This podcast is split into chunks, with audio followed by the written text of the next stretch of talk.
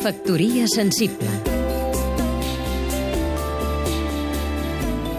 Jordi Llobet, professor i crític literari. Isona Passola és una bona professional del cinema i va fer una pel·lícula d'èxit que va agradar a molta gent, Pa Negre. Però ja es veia en aquella pel·lícula que hi havia un element circumstancial retòricament lligat a l'actual situació de Catalunya i, sobretot, lligat a un dels grans mites fundadors del nacionalisme català i també de l'alemany, és a dir, la muntanya.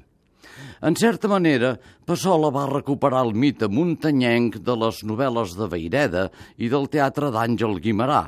He mort el llop, he mort el llop!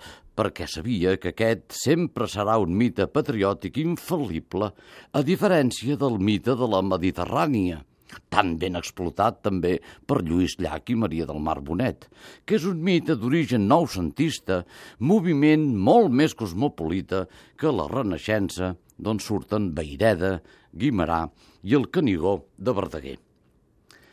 Aquesta petita trampa que va fer la cineasta en aquella pel·lícula ha progressat fins a la pel·lícula que ara es pot veure a Catalunya, l'endemà, en què tot són flors i violes sobre el procés independentista.